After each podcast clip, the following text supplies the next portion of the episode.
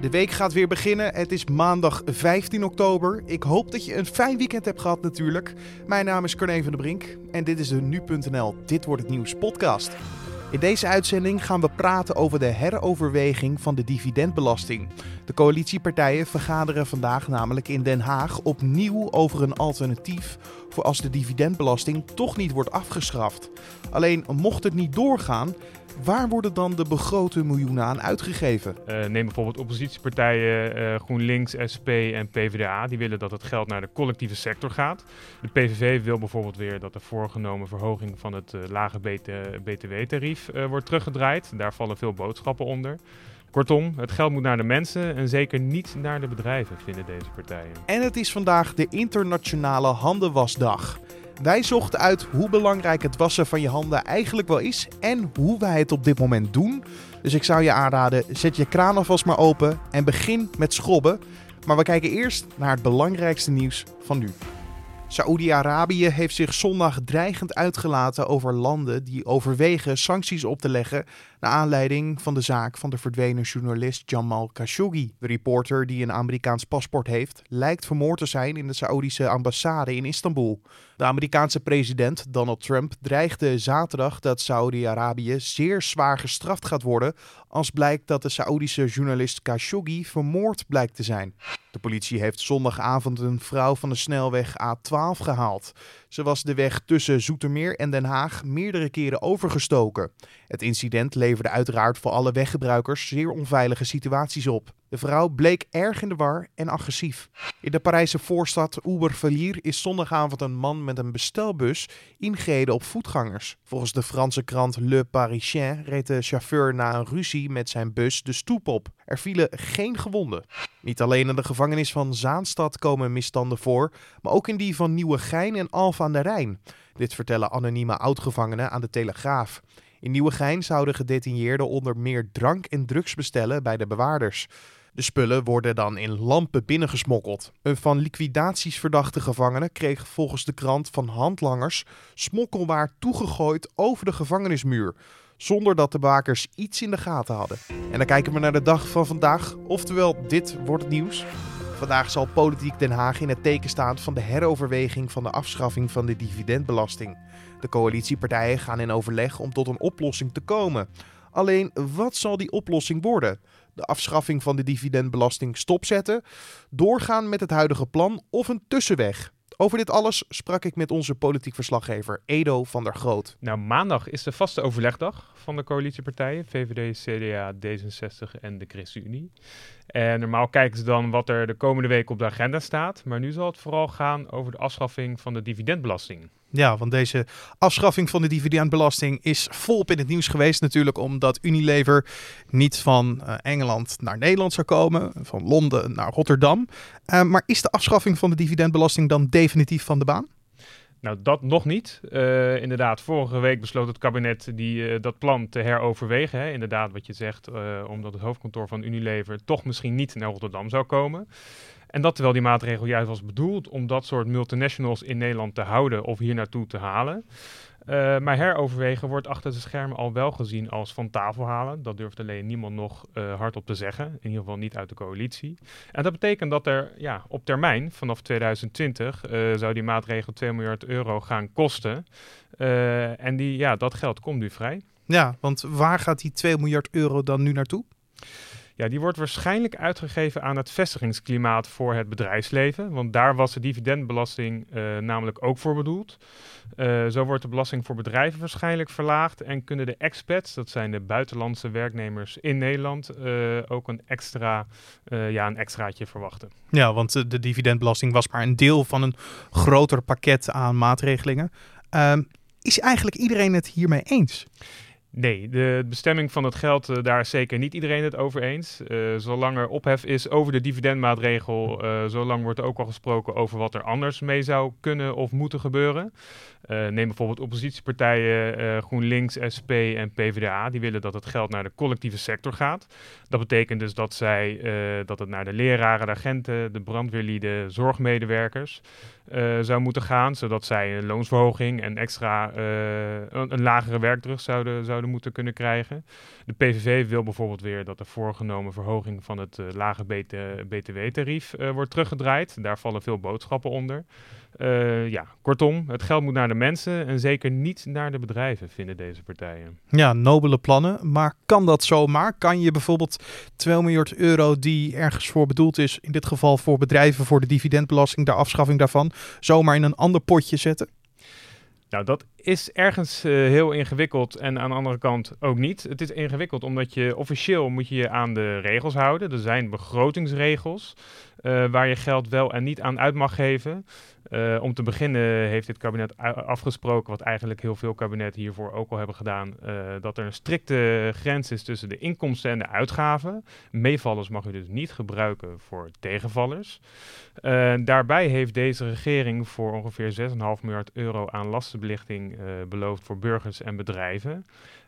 Die dividendbelasting is een lastenverlichting voor bedrijven en de vervanging moeten ze eigenlijk volgens de regels ook weer daaraan uitgeven. Nou, het is dus eigenlijk een soort visuele cirkel die weer terug moet komen in je begroting.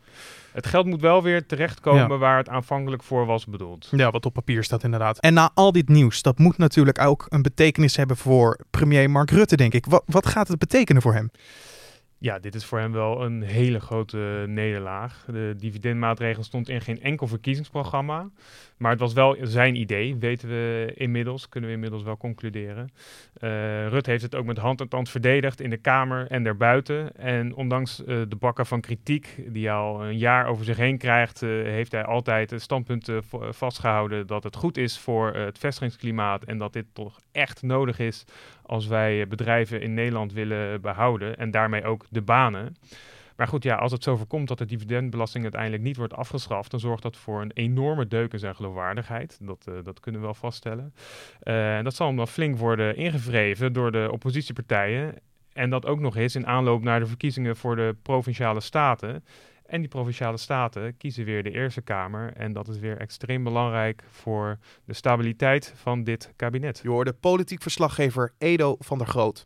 Een eerlijke vraag. Heb jij al je handen gewassen vandaag? Bijvoorbeeld na het maken van je eten of na de dagelijkse behoeften in de kleine ruimte. Zo niet, dan zou ik dat vandaag zeker niet vergeten. Het is namelijk vandaag de Internationale Handenwasdag. Dat is een dag waarop wordt stilgestaan bij het belang van handen wassen.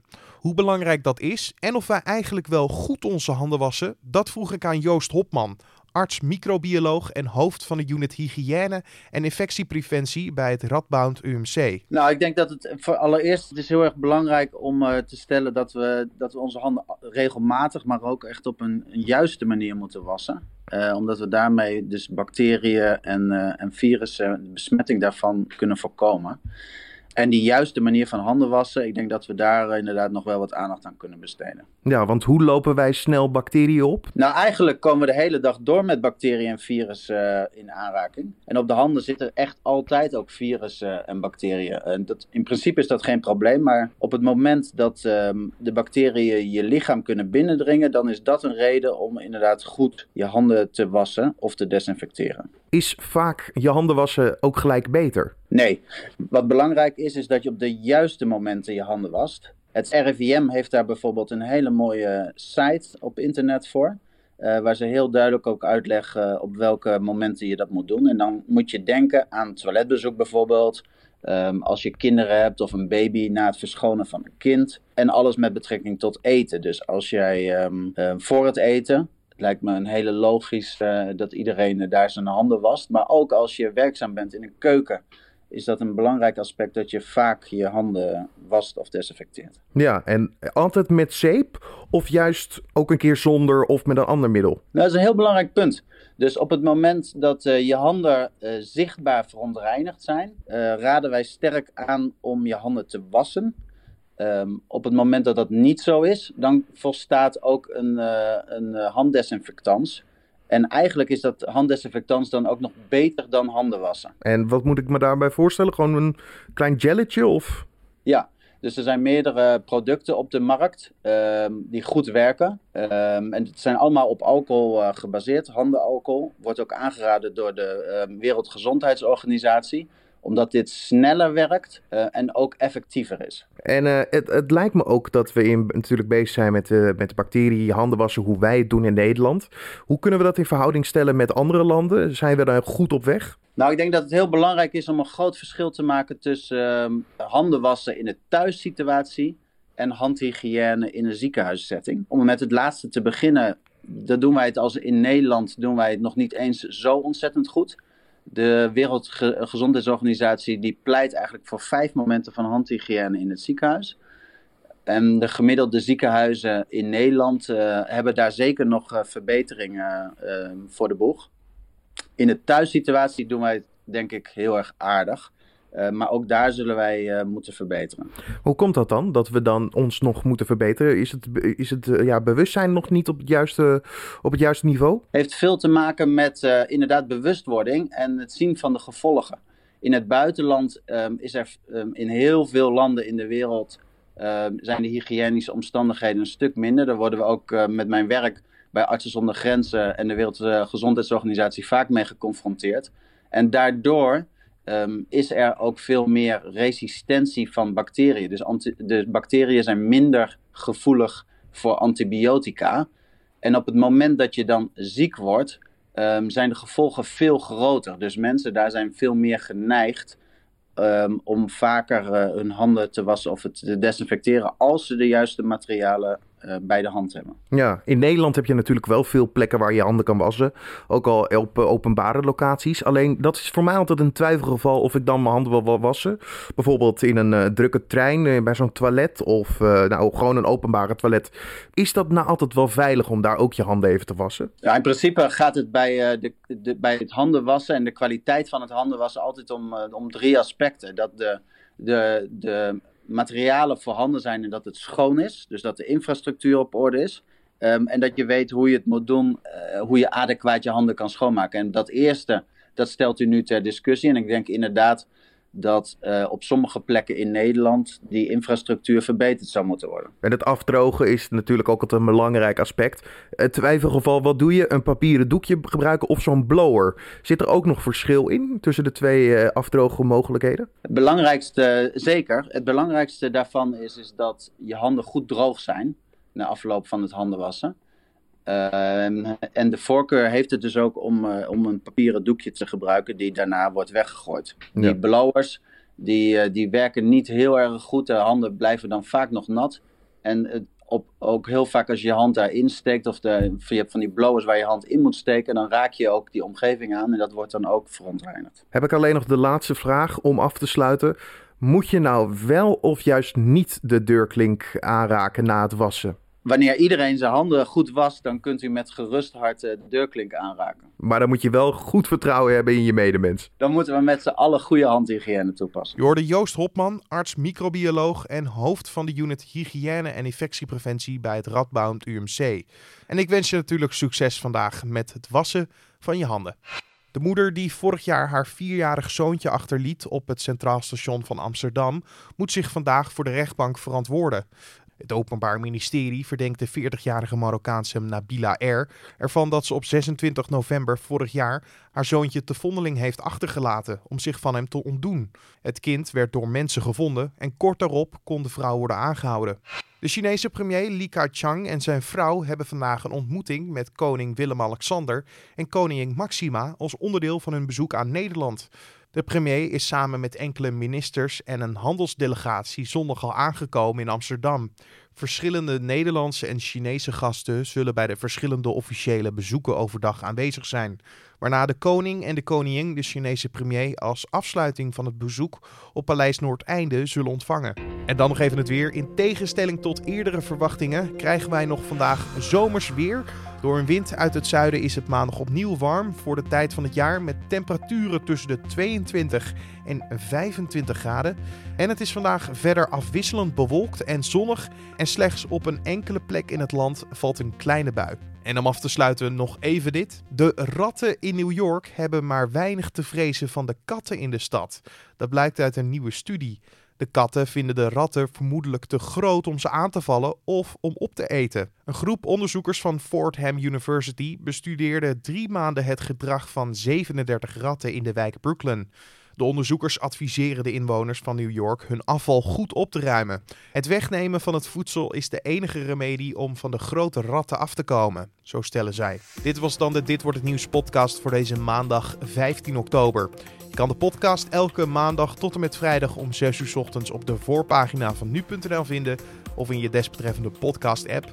Laat ons gelijk ook weten wat je van deze podcast vindt. Dat kan je doen via een mailtje naar redactie.nu.nl of een recensie in iTunes. Doe dat vooral, want zo help je deze podcast namelijk ook weer verder te vinden voor anderen. Mijn naam is Carne van der Brink. Voor nu wens ik je een fijne maandag en tot morgen.